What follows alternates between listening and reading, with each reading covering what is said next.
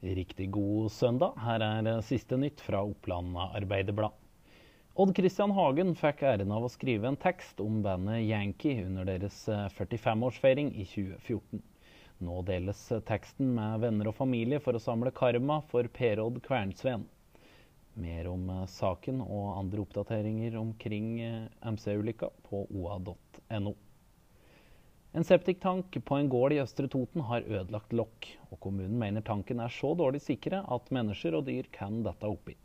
Fristen for utbedring var for en måned siden, men siden kommunen ikke har fått melding om at utskifting er gjort, har de nå sendt brev med varsel om tvangsmulkt dersom ny frist ikke overholdes. Les mer om den saken nå på oa.no. Flere Vipps-kunder har den siste tida mottatt en rar SMS hvor det står Vips har sett uvanlig aktivitet ved din konto.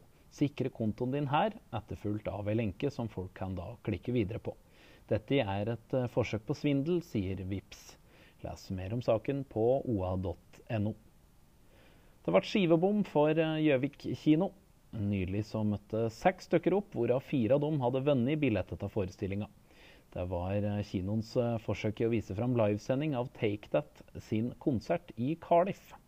Les mer om denne saken på oa.no. Fra sportens verden kan du lese en oppsummerende sak om Gjøviklins kamp i Trysil mot Nybergsund, samt en nyhetssak om at Ola Amund Sveen, reddølingen, nå nærmer seg en overgang potensielt til en eliteserieklubb.